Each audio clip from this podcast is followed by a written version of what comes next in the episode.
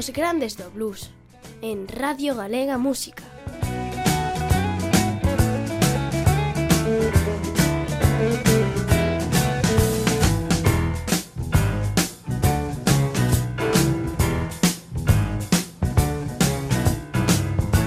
...50 horas dedicadas á música máis honesta que existe.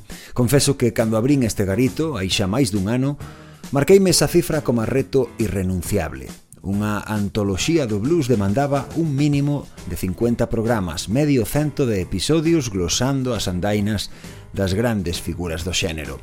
Ben, pois, misión cumplida, pero non rematada. Aquí comeza a entrega número 50 da Lista Negra.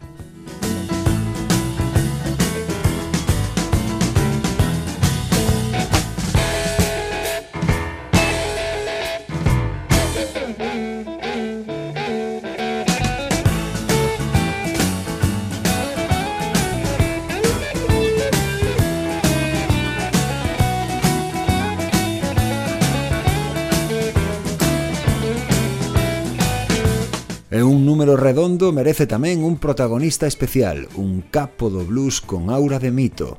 Creo que por aí vou satisfacer tamén as expectativas máis exixentes. Prepárate, porque hoxe os teus problemas vanse duplicar. Double Trouble, o aveiro de Stevie Ray Vaughan. Blues na lista negra con Eduardo Herrero. Mm -hmm.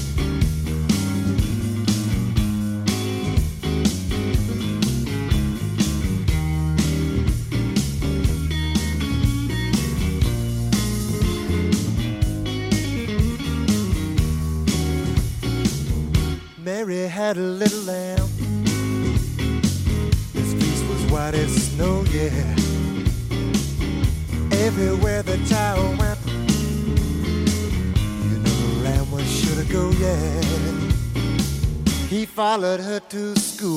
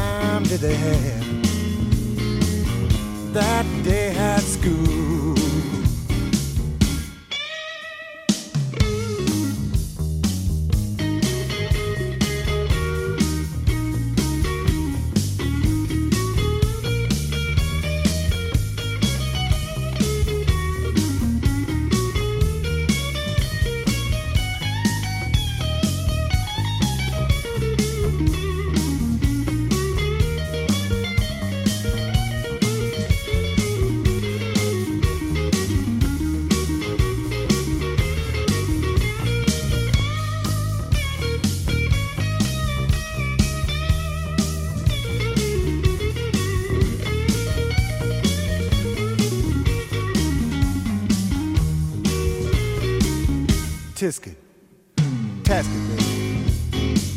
A green and yellow basket. Send a letter to my baby.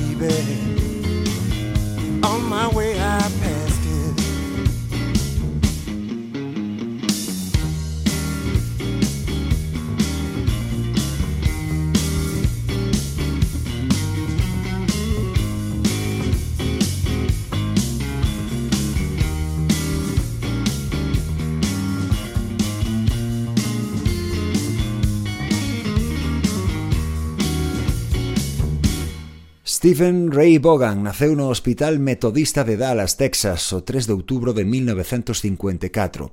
Era o fillo do matrimonio formado por Jim Lee Vaughan e Martha Jean. O irmán maior de Stevie chamábase igual que seu pai, un veterano da Segunda Guerra Mundial que traballaba no sector da construción. A familia pasou temporadas en Arkansas, Louisiana, Mississippi e Oklahoma, antes de se instalar de volta en Oak Cliff, un suburbio de Dallas.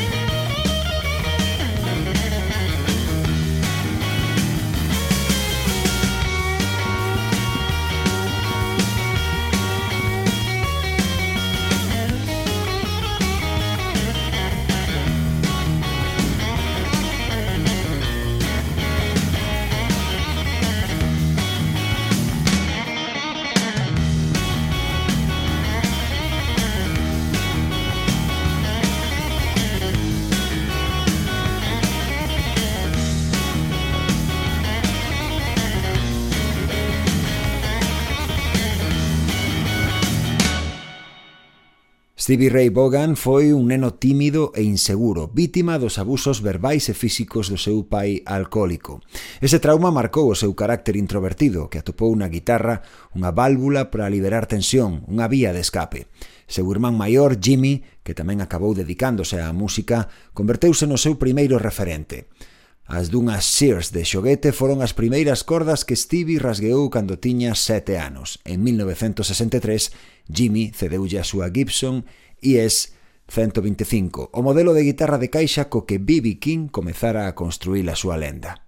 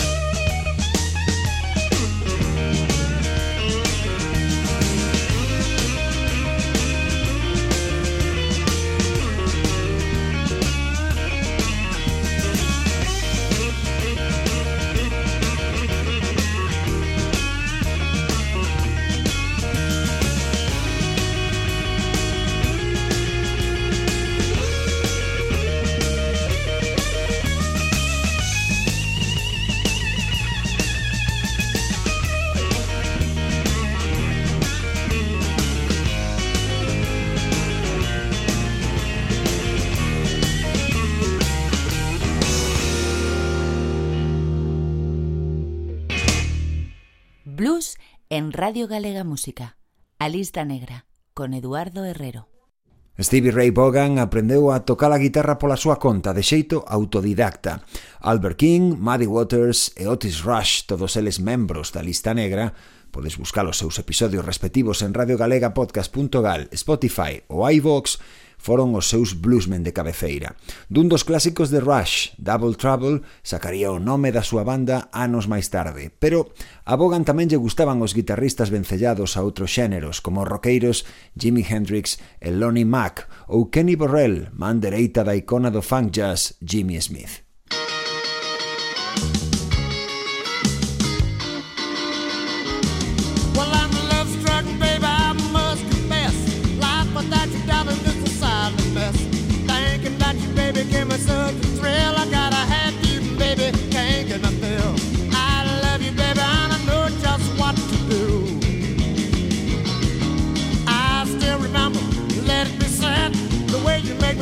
Make a fool to forget. I saw a ton of bricks that hit me in the head. And what you do to little baby, I ain't over it yet.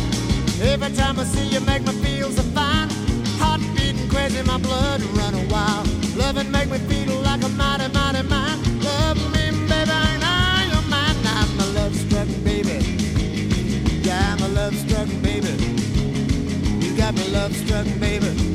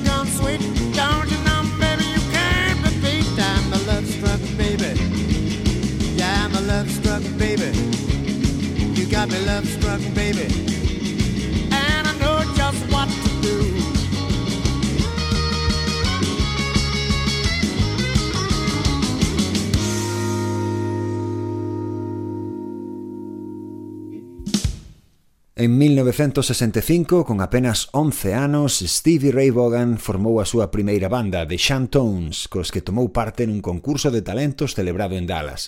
Pouco despois, uniuse aos Brooklyn Underground, que tocaban no circuito local de bares e salas. Pero cando o seu irmán Jimmy se independizou, Stevie perdeu o seu único apoio na casa. Compaxinaba o instituto cun traballo nunha hamburguesería, pero seus pais acusábano de estar obsesionado coa música. Tras un paso fugaz por varios grupos, aos 16 anos, a mesma idade a que marchara Jimmy, Stevie deixou os estudios e aquel emprego que detestaba, fixo o petate, agarrou a guitarra e puxo rumbo a Austin.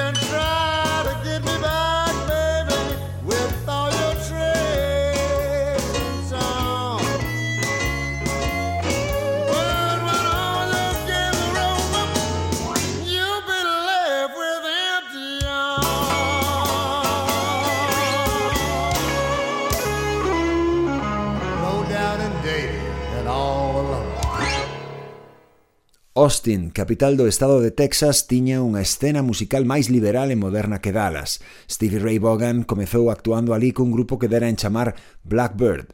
Ano e medio despois, en decembro de 1972, uniuse a outra banda, Cracker Jack, cos que apenas estivo tres meses.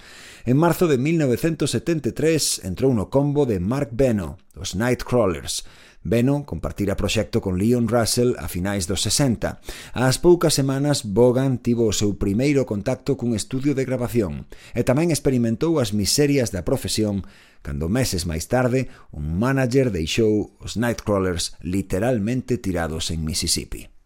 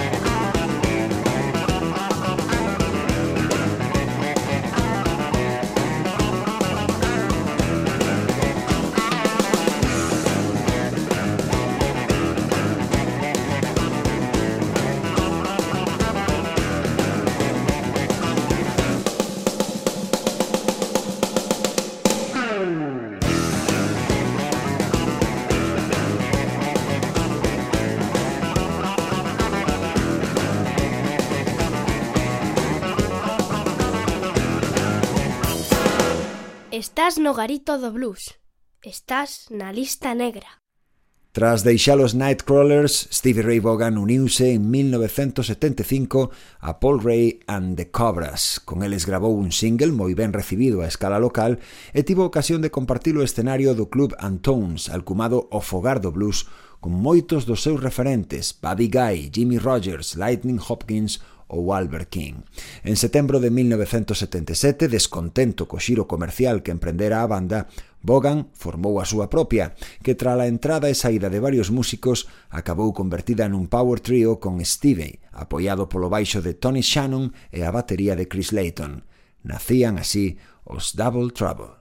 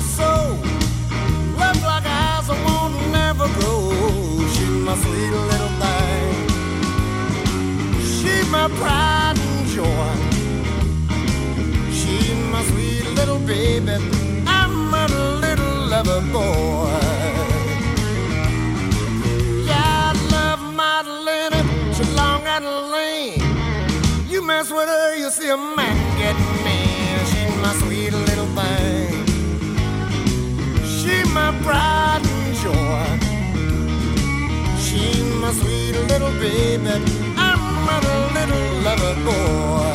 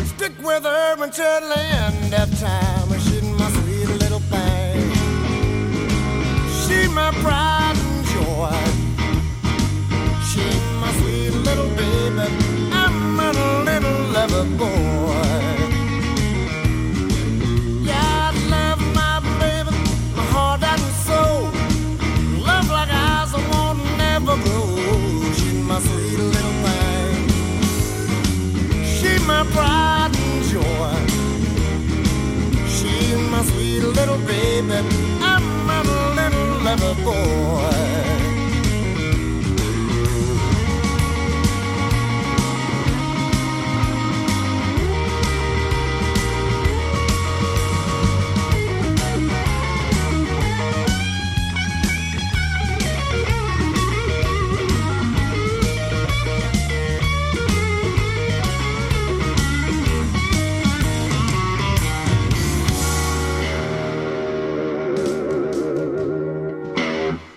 Con toda aquela experiencia acumulada desde que era un cativo, Stevie Ray Vaughan entrou nos anos 80 convertido nun músico fora de serie, ato punto de abrir para a maior lenda viva do blues da época, Muddy Waters.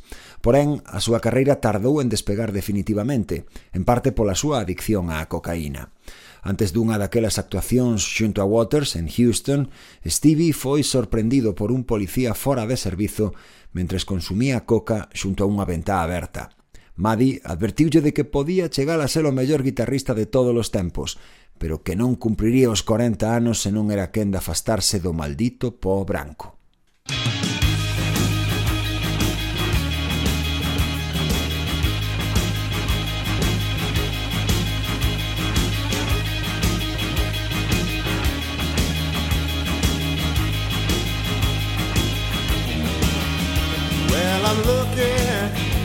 At the window.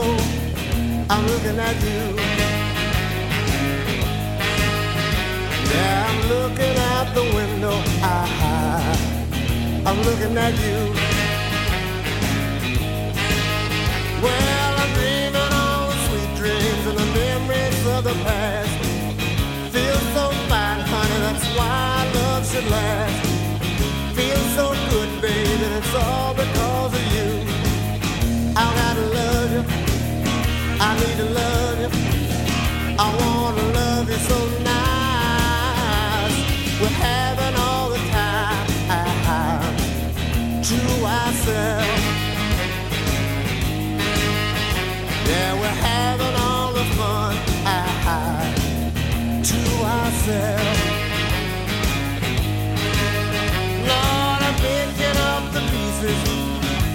Off shelf. Won't take long, baby, cause heart ain't any left. Feels so good, baby, it's all because of you. I gotta love you. I need to love you. I wanna love you so nice. I'm looking out the window. I, I'm looking at you. Yeah, I'm looking out the window. I'm looking at you. Well, I'm dreaming all the sweet dreams and the memories of the past. Feel so fine, honey, that's why love should last. Feel so good, darling, it's all because of you. I gotta love you, I need to love you. I wanna love you so nice. I'm looking out the window, I, I'm looking at you. Yeah, I'm looking out the window. I, I'm looking at you. Yeah, I'm looking out the window. I, I'm looking at you.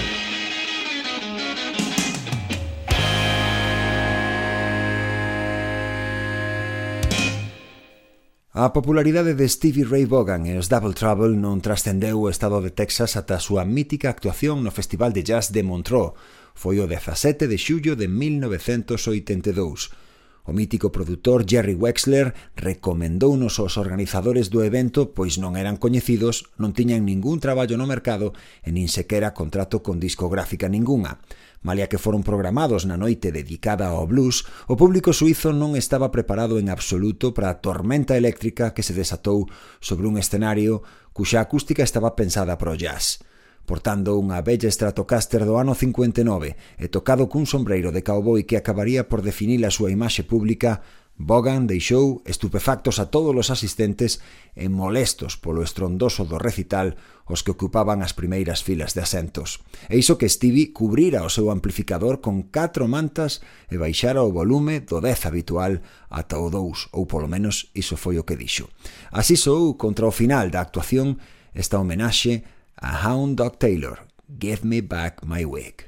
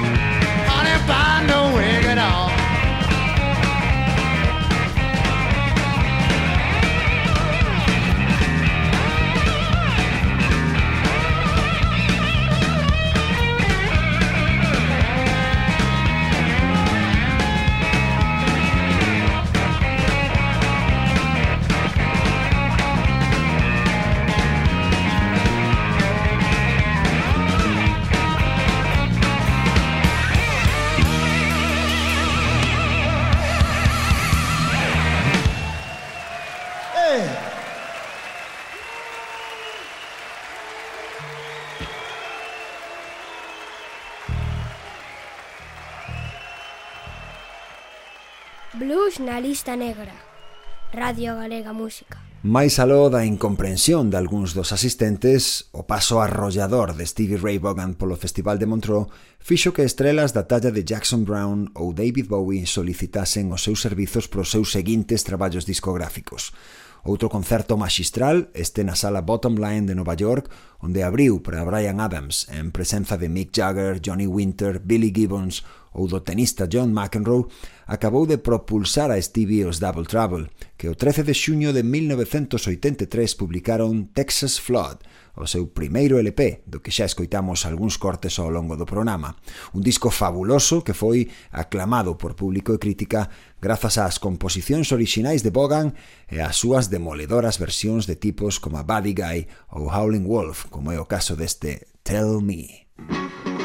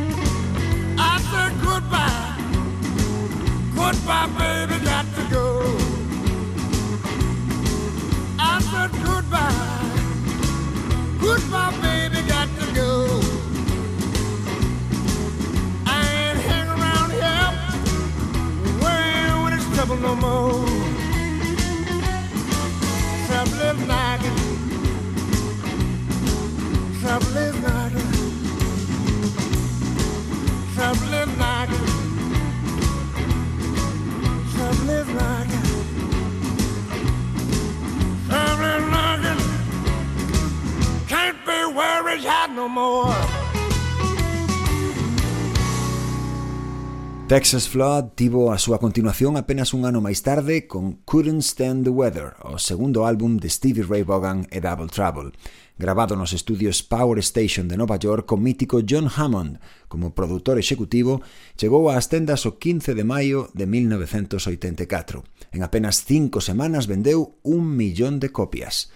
As críticas volveron ser moi boas en xeral. Bogan asinaba a metade dos títulos, entre os que había tamén algunhas versións destacadas, como a do Voodoo Child do seu admirado Jimi Hendrix.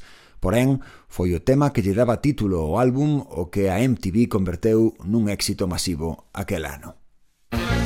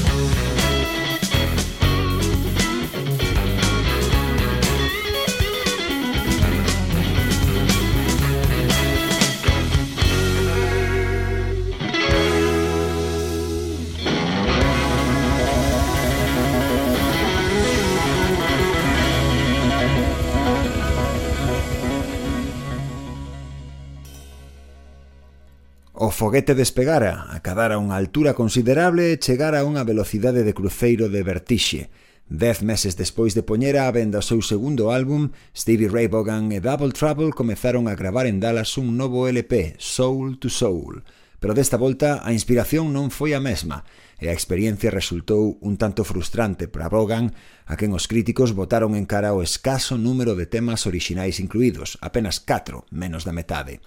Entre o mellor daquel disco estaba esta homenaxe exuberante a Earl King, Come On Part 3. People talking but they just don't know what's in my heart and why I love you so. I love you, baby, like a man I love gold. Come on, baby, let the good times roll. Let the good times roll. Come on and my soul. Oh, let the good times roll.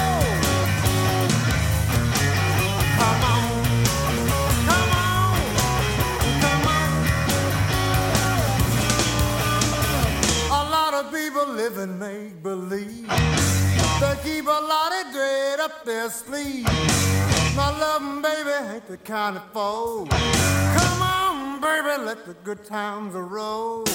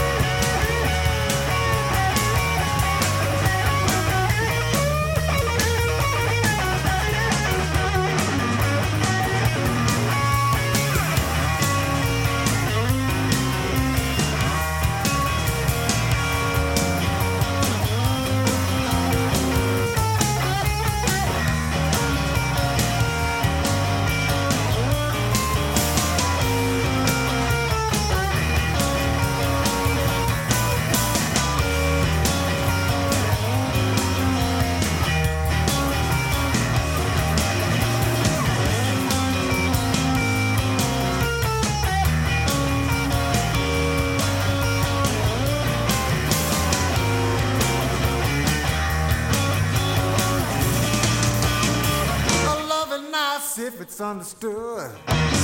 It's even nicer when you feel so good. You got me flipping like a flag on a pole. Come on, sugar, let the good times roll.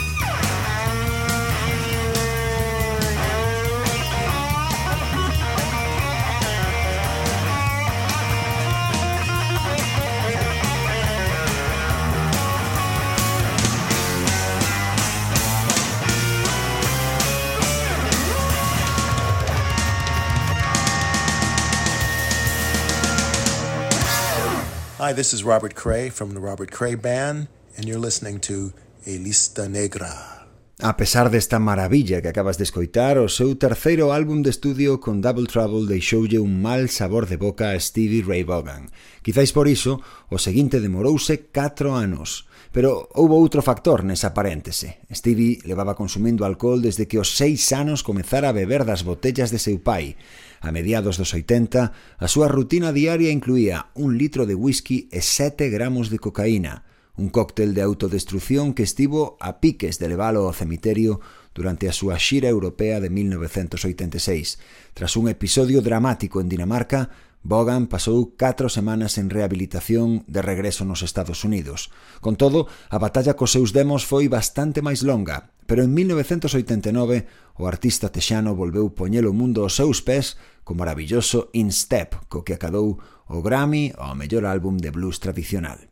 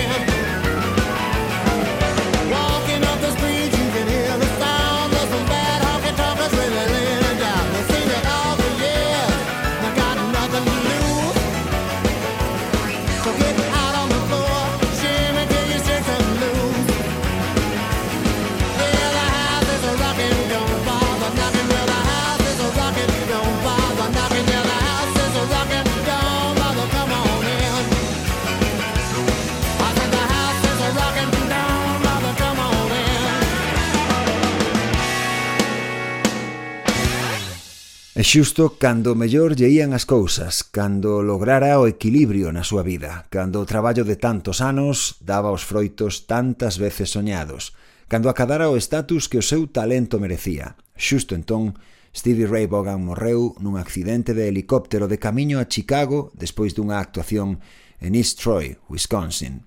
Faltaban algúns minutos para unha de madrugada do luns 27 de agosto de 1990. Bogan tiña tan só, a pesar de todo canto che contei na última hora, 35 anos. O seu funeral en Dallas acodiron unhas 3.000 persoas, entre as que estaban Stevie Wonder, Bonnie Raitt, Buddy Guy ou os membros de CC Top. Poucas semanas máis tarde púxose á venda o seu álbum póstumo, grabado aquel mesmo ano co seu irmán Jimmy. Sí, desta volta sen Double Trouble, pero co seu primeiro mentor e referente, o seu irmán maior, fundador dos Fabulous Thunderbirds. Stevie pechaba así o círculo, sen poder imaginar que o seu final estaba tan preto. Asinado como os Bogan Brothers, Family Style, estilo de familia, incluía esta composición conxunta coa que imos proceder á incorporación de Stevie Ray Vaughan á lista negra, Hillbillies from Outer Space.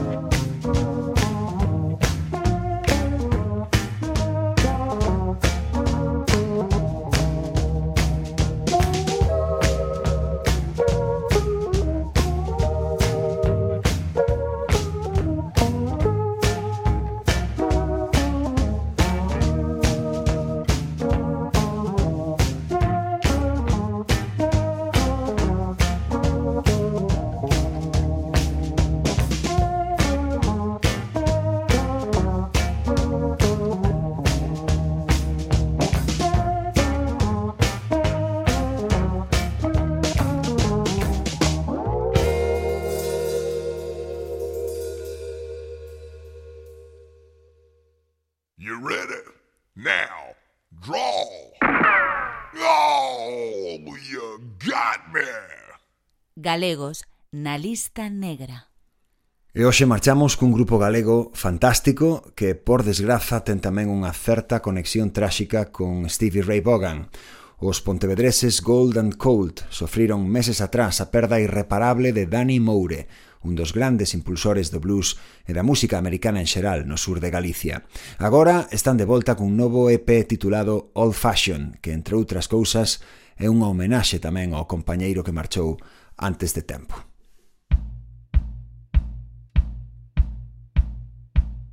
I saw you at the pool, babe, with your cool and long black hair. Your eyes stood my feelings, your smile stole my breath. I wanna dance. This providing crazy dance.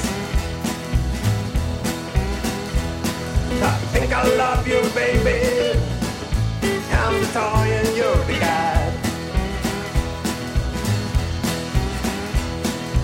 Oh.